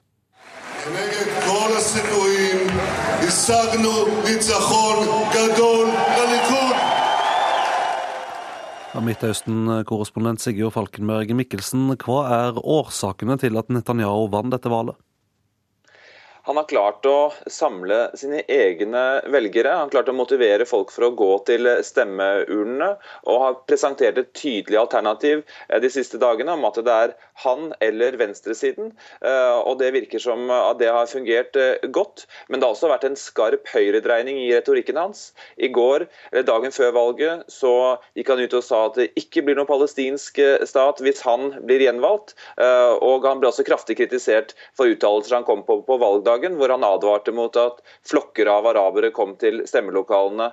Eh, sånn at vi får se hvordan han legger opp politikken, nå som han, har fått et så eh, overraskende tydelig mandat fra det israelske folket.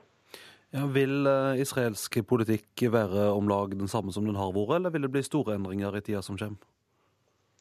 Det kommer litt an på. Eh, det er ikke noe tvil om at den eh, høyresiden gjør et eh, solid valg, og at Netanyahu nå har friere hender til å danne en koalisjonsregjering. Altså får vi se hvilken politisk linje han velger å følge. Om han prøver å trekke litt mot sentrum, eller om han følger opp retorikken han har hatt i valgkampen og går mer til høyre. Ja, hva parti er det mest sannsynlig at han kan få med seg i ei samlingsregjering? Det er de eh, andre høyrepartiene. Eh, Bosetterpartiet eller tidligere utenriksminister Liebermann, samt de religiøse partiene, og antagelig også et eh, utbryterparti fra Likud, som har prøvd å nærme seg sentrum. Takk skal du ha for at du var med oss, Midtøsten-korrespondent Sigurd Falkenberg Mikkelsen. En eldre mann er pågripen for drap etter at en person ble funnet skutt i et bostadhus i Sarpsborg i natt. Pågripinga skjedde uten dramatikk, sier operasjonsleder i Østfold politidistrikt, Lars Stenerød. Politiet mottok melding eh, klokka 23.48, eh, hvor da siktede eh, sier at han har skutt en person. Og Vi rykker ut opp til aktuell adresse, hvor vi påtreffer da gjerningsmannen og gjerningsmannen ble pågrepet uten dramatikk på stedet. Begge personene skal være i 70-åra og i nær familie, opplyser politiet. Den pågrepne sitter nå i politiets sentralarrest. Pågripelsen skjedde uten dramatikk. Drapet skal ha skjedd i et bolighus på Grålum. Politiet kan ikke si noe om motivet. Motiv og årsak skal vi ikke komme inn på nå, men øh, vi eventuelt kommer tilbake øh, senere på dagen. Jeg ønsker ikke å si hvilken våpentype eller, uh, som er brukt, men politiet har sikret seg det antatte uh, våpenet som uh, kan ha vært brukt under handlingen her. Reporter Trond Johnsen. Ei kvinne i 30-åra er sendt til Haukeland sykehus i Bergen etter å ha blitt knivstukket i Odda i natt. Hun ble knivstukket i nakken og brystet, og gjerningsmannen er pågripen, opplyser politiet. Kvinna ringte sjøl nødtelefonen. Hun mista mye blod, og dette kunne fort ha blitt et drap, sier operasjonsleder Hans Eirik Thue i Hordaland politidistrikt. Politidistriktene har ikke råd til investeringer. De siste åra har driftsbudsjettene blitt kutta med over 500 millioner kroner. Det har skjedd samtidig som at Politidirektoratet sentralt har fått mer penger, syner tall fra fagbladet Politiforum. At her er det da en eh, styrkeoppbygging sentralt som gjør at det, det går utover tjenester vi skal levere lokalt. Sier tillitsvalgt Finn Arne Valby i Politiets Fellesforbund for Vest-Oppland politidistrikt. Volvoen med den gamle politilogoen rygges på plass i garasjen på politihuset i Gjøvik. Den er noen år gammel, men den, den, den, holder også. For investeringer er blant det som prioriteres ned i et politidistrikt med stram økonomi, sier politimester i Vest-Oppland Johan Martin Welhaven. Jeg forholder meg til at vi har de budsjettene vi får, og det er klart at eh, det er en utfordring å, hele tiden leve i en tilstand hvor vi må, må, må tenke sparing. Ifølge tall fra bladet Politiforum blir stadig flere av politidistriktets midler bundet opp sentralt. Bare i år flyttes 100 millioner fra distrikta for å dekke sentrale arbeidsoppgaver. Ja, det opplever vi jo selvfølgelig ikke som spesielt positivt. For vi er jo skvisa fra dag til dag i forhold til å levere gode polititjenester. Nei, altså for det skyldes jo til en viss grad at det er mange store investeringsprosjekter i eh, politietaten. Og mange av de er det hensiktsmessig at Politidirektoratet gjør på vegne av alle sammen. Statssekretær Vidar Brein Karlsen i Justisdepartementet sier at distrikta isteden har fått tilført flere stillinger for å få mer politi i gata. Ikke bare et gode, ifølge politimesteren på Gjøvik. Eh, men det det betyr, eh, er jo at vi har eh, mindre handlingsrom i forhold til investeringer, fordi mer av lønnsbudsjettet vårt er bundet opp. Reporter Jorunn Wang. La videreutdanninga komme til lærerne, og ikke omvendt. Det mener kommunene sin interesseorganisasjon KS. Ifølge KS bruker kommunene store summer på reise og opphold til lærere som videreutdanner seg, og de mener ting kunne vært gjort på en annen måte. I en ikke altfor stor svømmehall på Ny Kronborg skole i Bergen har ti femteklassinger svømmeundervisning med lærer Preben Slengesol. Preben er blant lærerne som har lyst til å undervise i flere fag enn de gjør i dag. Og i fjor søkte han om videreutdanning innen naturfag og engelsk, men fikk avslag. Nei, Da ble jeg veldig overrasket. Jeg trodde at det var mye enklere å eh, få lov til å videreutdanne deg hvis du søkte. Problemet er at videreutdanning koster mer enn det behøver, mener kommunenes interesseorganisasjon KS, og peker på at mesteparten av kostnadene går til reise og opphold for dem som videreutdannes. Derfor lanserer KS-leder Gunn Marit Helgesen følgende forslag. I stedet for at lærerne reiser for å få videreutdanning, kan ikke videreutdanningen reise til lærerne? Og Så samler man de, og så får man da undervisere til å komme til kommunen, istedenfor at man må bruke veldig mye ekstra ressurser på reise og opphold. Leder i Utdanningsforbundet, Ragnhild Lid, ser gjerne at flere lærere får tatt videreutdanning. Men hun ser også ulemper ved forslaget. Det kan rett og slett bli for smått fagmiljø. Og så kan en også risikere at lærerne ikke får tatt det som en del av jobben sin, men at en da må ta alt på fritida. Det vil gå utover kvaliteten på studiet.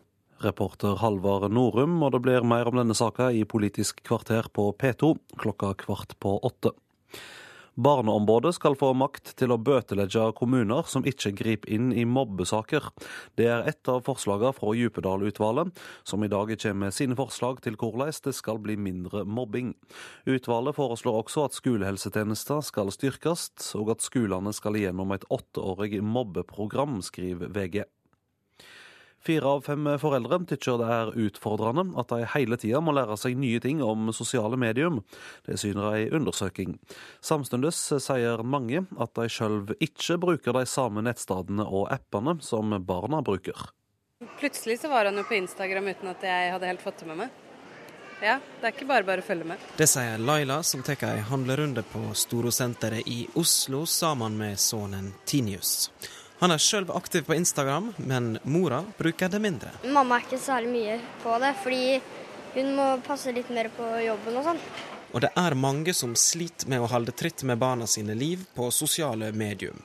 I en ny undersøking Norstat har gjennomført på oppdrag fra Telenor, kommer det fram at fire av fem foreldre synes det er utfordrende at kunnskapen deres om sosiale plattformer blir raskt utdatert. Det er jeg faktisk litt overrasket over. Jeg tenker at Sosiale medier er jo blitt folkekanaler for det brede laget av folket. Det sier Cecilie Staude, høgskolelektor ved BI og ekspert på sosiale medium.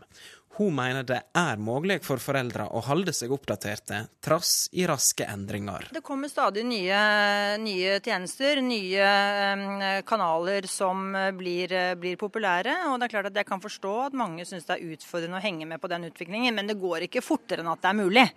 Innslaget var laget av Lars Ivar Nordahl. Ansvarlig for denne Dagsnytt-sendinga var eh, Anders Borgen Werring. Teknisk ansvarlig Hanne Lunås. Og her i studio, Vidar Eidhammer.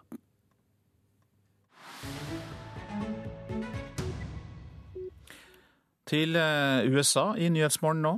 Såkalte fraternities, eller brorskapsforeninger, er en tradisjonsrik del av amerikansk college-liv. Men de er også kontroversielle. Nylig sjokkerte en buss full av øldrikkende pappagutter, eller fratboys, med denne sangen.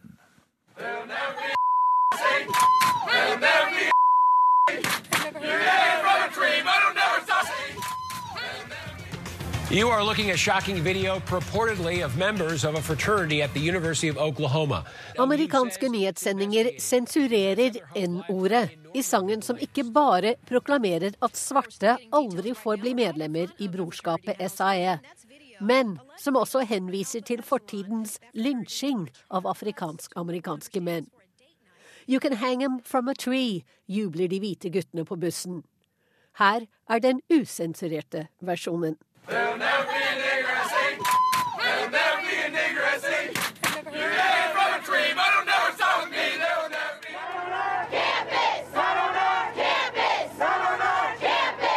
Ikke på vårt campus, roper flere hundre studenter som demonstrerer mot rasismen ved universitetet i Oklahoma, bare noen timer etter at videoen er blitt spredt på sosiale medier. Og universitetets ledelse reagerer lynraskt. Skolen kutter alle bånd til den lokale avdelingen av brorskapet SAE og stenger huset der deres medlemmer bor. Slik oppførsel tolererer vi ikke, sier universitetets president David Bourne. This is not who we are, and we won't tolerate it. Not for one minute from anybody.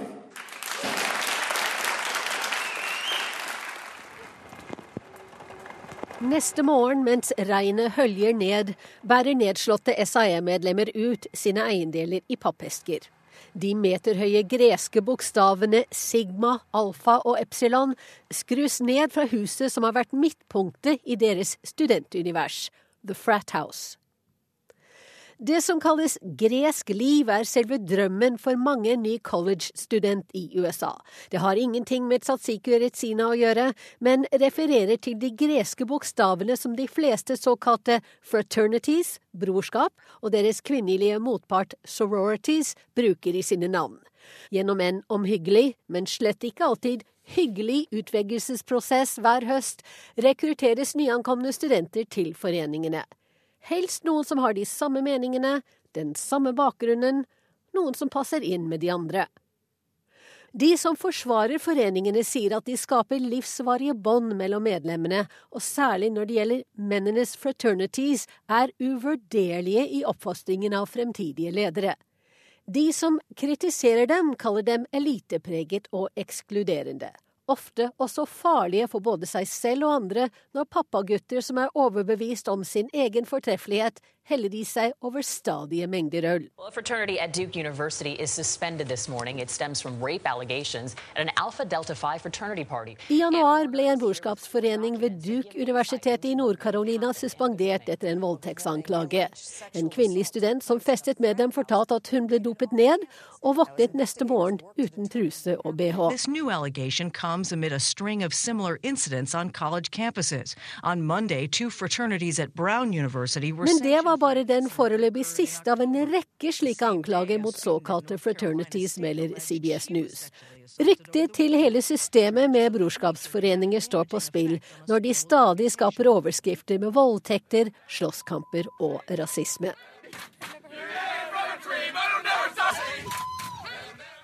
Reportasjen var laget av Wenche Eriksen. Dette er hovedsaker i Nyhetsmorgen. Statsminister Benjamin Netanyahu er klar valgvinner i Israel. Når nesten alle stemmer er talt opp, får Likud 30 plasser i nasjonalforsamlingen, Knesset, mens hovedutfordreren Sionistunionen får 24 representanter. En eldre mann er pågrepet for drap etter at en person ble funnet skutt i et bolighus i Sarpsborg i natt. La videreutdanningen komme til lærerne, ikke omvendt, mener kommunenes organisasjon KS. Kommunene bruker store summer på reise og opphold til lærere som videreutdanner seg.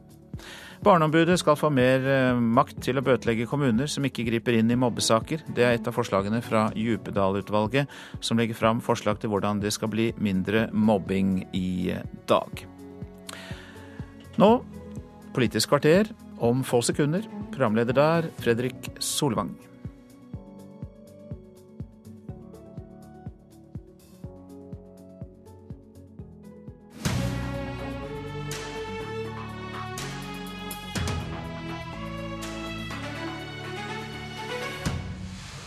Kunnskapsminister, hvorfor er etter- og videreutdanning av lærerne så viktig? Fordi elevene skal lære mer på skolen.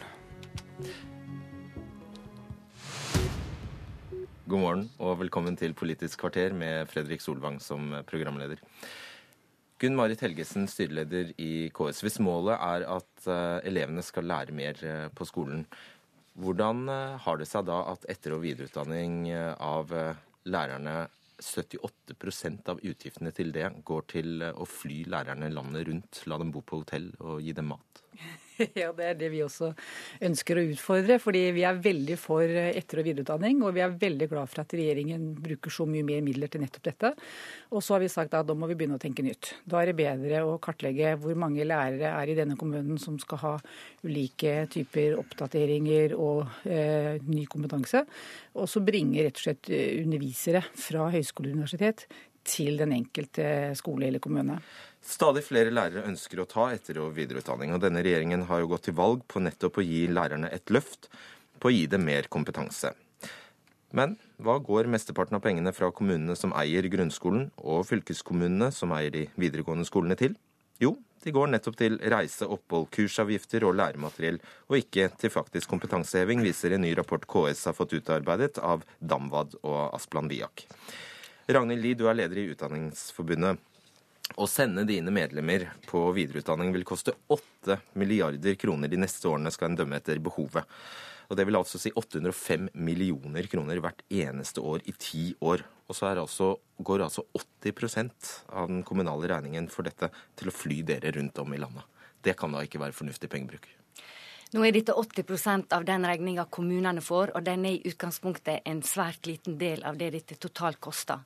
Og så har jeg lyst til å si at dette er en god investering. Men vi i Utdanningsforbundet har også spilt inn at her kan en se på andre løsninger. Her kan en se på lokale løsninger som gjør det mulig at eh, flere lærere kan få dette i nærmiljøet. Men det må ikke gå utover kvaliteten i disse tilbudene. Kommunale penger, sier du, men en offentlig krone er vel en offentlig krone? En offentlig krone er en offentlig krone. Og det er klart, skal en samles på institusjonene, så er det en god del som vil måtte reise. Samtidig så er det en stor verdi å komme sammen og få et faglig miljø rundt de studiene en tar. Så hvis en skal legge det ut lokalt, så må det heller ikke bli for smått. Kunnskapsminister Torbjørn Røe Isaksen for Høyre. Senest for to dager siden skrøt du på Høyres nettsider over at eh, nærmere 8500 lærere har søkt videreutdanning i 2015. Du viste til tall fra Utdanningsdirektoratet, og dette er ny rekord. Nesten 1500 mm. flere enn i fjor. Nå vet du altså hva pengene dine går til, og de går altså ja, det, til reise. Ja, Men det gjør jeg jo ikke, for det tallet du bruker er helt feil. Men la meg bare først ta det viktigste, og det er at hvorfor er vi opptatt av at så mange lærere skal få videreutdanning? Det er fordi at faglig oppdaterte, motiverte lærere er viktig for at skolen skal bli best mulig. Med andre ord så er dette ikke et velferdstiltak for lærerne, selv om lærerne også setter pris på det. Dette er for at elevene skal lære mer. Og så tror jeg det tallet ditt må forstås på en litt bestemt måte. For å ta et litt teit bilde, men like fullt. Hvis det er sånn at staten og kommunene har fest, og så har staten sagt at vi skal betale for folk, folk som, eh, for lokale, vi skal betale for invitasjoner, vi skal betale for DJ, vi skal betale for mat og drikke. Og så kan kommunene stå for uh, snacks og drosje.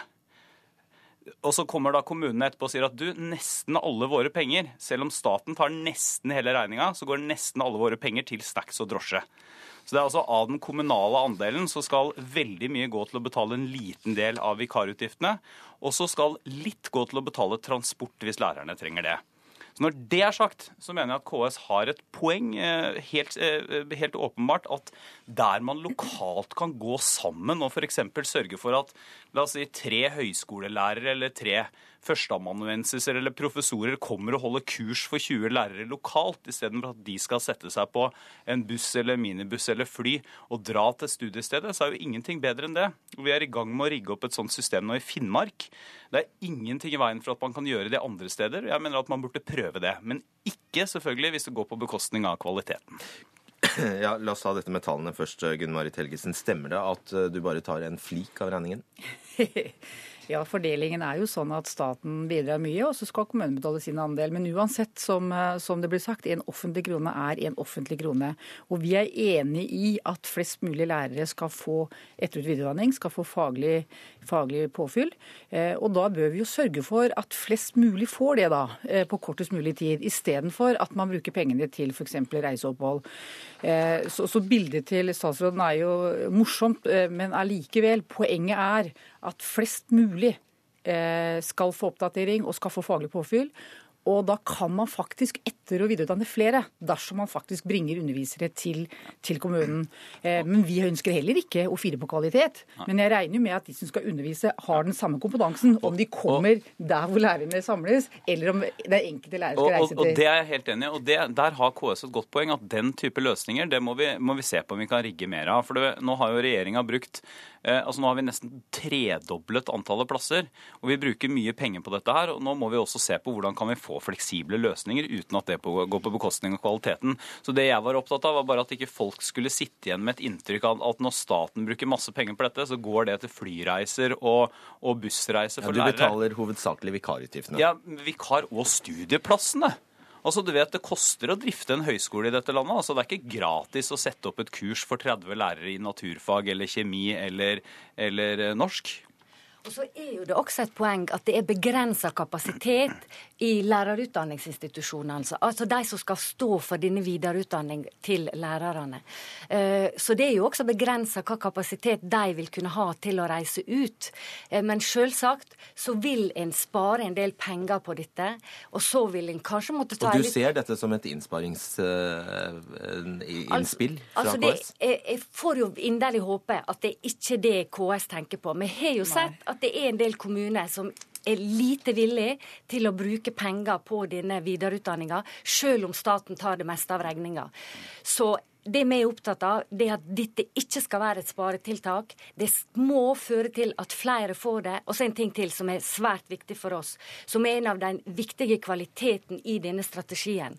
Og det er at dette får lærerne ta som en del av jobben sin. Dette her er altså en videreutdanning som de må ta. De får ta det som en del av jobben sin. Tidligere har de tatt alt dette på fritida. Men nå må en kunne få legge det inn i jobben, slik at det ikke blir igjen en sånn fritidsaktivitet for lærerne. Og det er jo en del av eh, avtalen her, Helgesen. Eh, Et 30 studiepoeng-studium kan altså bestå av to, eh, tre eller fire samlinger per semester. Der eh, hver samling går over flere dager i strekk. og Det vil altså si at læreren har rett til å jobbe halv stilling i to semestre. Og så må dette, dekkes opp med vikar. Ser du bort fra at en del lærere ser på dette som et slags eh, Altså dette med etter- og videreutdanning som et velfortjent avbrekk? Nei, Det har jeg ingen mening om. Det som er viktig for oss som skoleeier, er jo at vi har kompetente, flotte, motiverte lærere. Det har vi mye av, men vi ønsker også å ha riktig kompetanse, og at man hele tiden får faglig påfyll. Og Da er det ikke penger å spare som er motivet. Eh, Det er rett og slett å få de beste lærerne, slik at barna våre lærer mer. Det, unnskyld, det står jo ikke helt i troende når rapporten her er gjennomsyret av ordet kostnadseffektivitet. Ja, men hele poenget er jo at man kan bruke alle de ressursene slik at flere lærere faktisk kan få faglig påfyll og få den etterutdanningen som vi ønsker Ja, at På godt norsk kalles det sparing.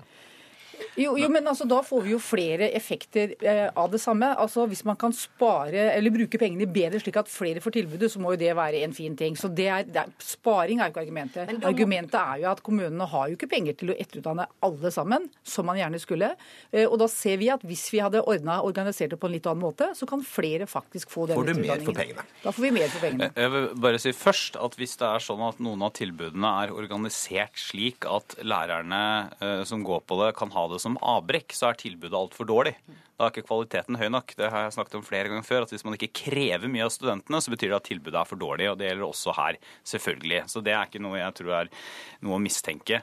Og så er det jo, så mener jeg at det er Altså, Det er jo ikke noe grunn til å lage noe kunstig motsetning her. La oss ta eksempelet Finnmark. Der tok altså fylkes, eh, fylkesskolesjefen hos, fylkes, eh, hos fylkesmannen kontakt med departementet, og så sa hun vet du hva, vi har et problem. Vi har fem eller seks kommuner som ikke klarer å koordinere det, når de skal søke om videreutdanning for sine lærere. Det betyr at du får liksom litt sånn spredt to lærere her og tre lærere der, som må reise ganske langt. Og så kommer de kanskje ikke på samme institusjon engang. Og da sa vi vet du hva, hør her, vi hjelper dere gjerne med å lage en avtale. Hvis dere finner f.eks. 20-25 lærere, så lager dere en avtale med Universitetet i Tromsø, Norges arktiske universitet, og så rigger dere et eget opplegg for det, hvor de slipper å reise så mye. Kjempefornuftig. Og jeg tror ikke noen er uenig i det. Og Eh, kanskje det helt kjempekjedelig. Ser, ser du helt bort fra at det ikke er like stas å få besøk av en førsteamanuensis eh, på lærerværelset på her, kveldstid? Her, her må vi ha begge, begge delene. Og så kan det også være tror jeg, veldig mange lærere som har familier for eksempel, som ikke har lyst til å nødvendigvis reise så mye, men har lyst på det faglige påfyllet. Fordi de forstår at uh, faglig påfyll det gjør at de kan gi mer og mer spennende undervisning til elevene. Jeg tror faktisk ikke at det er denne reisa som motiverer lærerne, men det er nettopp det å kunne De har nok komme flydd før også. Sant? Det å kunne komme inn i et godt fagmiljø, det å kunne få diskutere det de jobber med i studiet, det er det de gir tilbakemelding på, som er Mm. svært verdifullt. Men det er klart, fordelen med å, å ta det i nærmiljøet, det er at flere tar det, det er at det vil bli lettere å forankre det i praksisen i skolen. Det vet en også. Flere som sitter og deler kunnskap, det gjør det lettere å praktisere det og la hele skolen få ta del i dette. Men jeg har et poeng- til til KS, og det er at det, vi må jo også ta inn over oss at hvis det er flere som skal ta det, og jeg er veldig glad for at KS ønsker det, så vil jo utgiftene til vikar f.eks. øke. Så det er jo eh, ikke en økonomisk, eh, økonomisk effektivisering ved å spare penger, men det er en annen måte å bruke pengene på. Det skal vi være med å diskutere. Ja, og jeg syns dette her virker veldig oppløftende, fordi når statsråden sier at ja, men da gjør vi det bare sånn. Poenget er at vi har ikke kunnet gjort det før. Vi har jo, Jo, hatt en ordning Nei. Jo da. Nei. Nei, vi har, vi har tidligere fra oss også spilt inn større fleksibilitet i dette tilbudet, eh, og det ikke har vært mulig. Men nå hører jeg jo at det er mulig å få til, og det er veldig bra. Da får vi nemlig oppnå det alle vil, nemlig at flere lærere skal få etter- og videreutdanning og få faglig påfyll. og også kanskje få det samspillet i kollegiene. helt- har helt konkret, Helgesen, ja. løsning der hele tida, Gunn Marit Helgesen. Det har det altså. Helgesen, helt konkret. Eh, Det foreslås i eh, rapporten nettbaserte løsninger. Er det en god idé? Det kan være en god idé for noen, eh, og det er det man må finne ut på den enkelte sted. Hva som, er, hva som gir den kvaliteten, og som gir det tilbudet som faktisk etterspørres, og som man trenger. Eh, Men det er- vi, vi kan godt ha Beklager, nå avbrøt jeg litt, men jeg så tiden gikk her. Men jeg tror vi kan godt ha noen lokale løsninger også. eh, Og det tror jeg det er det åpning for i dag. Og vi er veldig på tilbudssiden for å jobbe sammen med kommunene for å få til det. Og så er det veldig viktig samtidig at vi skal jo ikke gjøre dette til Altså 5000 lærere skal ikke få tilbud om et brevkurs i året. Altså Dette er en videreutdanning for å heve det faglige nivået, eh, for at lærerne skal få faglig påfyll, ikke som en nådegave en gang inneblant, men som en naturlig del av en lang karriere i skolen. Og det er for at elevene skal lære mer. Og Var du klar over da, da du ga dette løftet, at det ville koste 8 milliarder kroner i løpet av ti år? Ja, eh, vi bruker jo 1 milliard på det i 2015. Så dette er en av våre store satsinger på skole. Vi snakket om det i valgkampen, og nå leverer vi det vi sa vi skulle gjøre. Og dette er en investering landet vårt har råd til. Ja, det er jeg helt enig i. Så kjedelig da, at alle var enige. Men nå er det så liten tid igjen også. Så, men dette er jo en, det er jo en eh, altså Det å bygge opp et løp hvor, hvor lærerne hele tiden kan få faglig påfyll, er viktig for at elevene skal lære mer. Og jeg tror Det er det vi må holde fast i. Og så skal vi, må vi, når regjeringa nå har bygd opp et så stort system på såpass kort tid, så kan det helt sikkert være forbedringer og ting vi må diskutere og gjøre litt annerledes. Men i det store og det hele så er det bra med faglig eh, motiverte lærere som eh, gjør at elevene kan få en best mulig undervisning. Til slutt, Ragnhild Lid. eh, Dere jublet jo da KrF foreslo en lærernorm som senere ble nedstemt i Stortinget. Eh, Men da foreslo KrF å ta pengene fra denne potten, som skulle gå til etter- og videreutdanning for lærerne. Du kan vel ikke si begge deler? Eh, Jeg mener faktisk at landet vårt bør ha oss, og har råd til begge deler. Dette er satsing på skolen. Ja, men hadde, du, hadde KrF fått flertall for sitt uh, forslag, så hadde ikke du hatt penger til etter- Altså, etter- og Altså, videreutdanning? hvis du ber meg om å prioritere mellom videreutdanning for lærerne, eller mindre videreutdanning, og denne minstenorma, så er jeg sikker på at jeg har med meg de fleste lærere på at uh, da vil de faktisk prioritere denne minstenorma. Fordi en ser at nå blir det så store forskjeller mellom skolene og mellom kommunene. Så dette her er helt grunnleggende viktig. Ti sekunder. Det kom heldigvis da også både lærerstillinger og videreutdanning neste år, etter at vi hadde budsjettforlik med bl.a. KrF. Så rørende. Tusen takk skal dere ha. Dette Politiske kvarteret er ved veis ende. Ansvarlig i dag var Fredrik Solvang.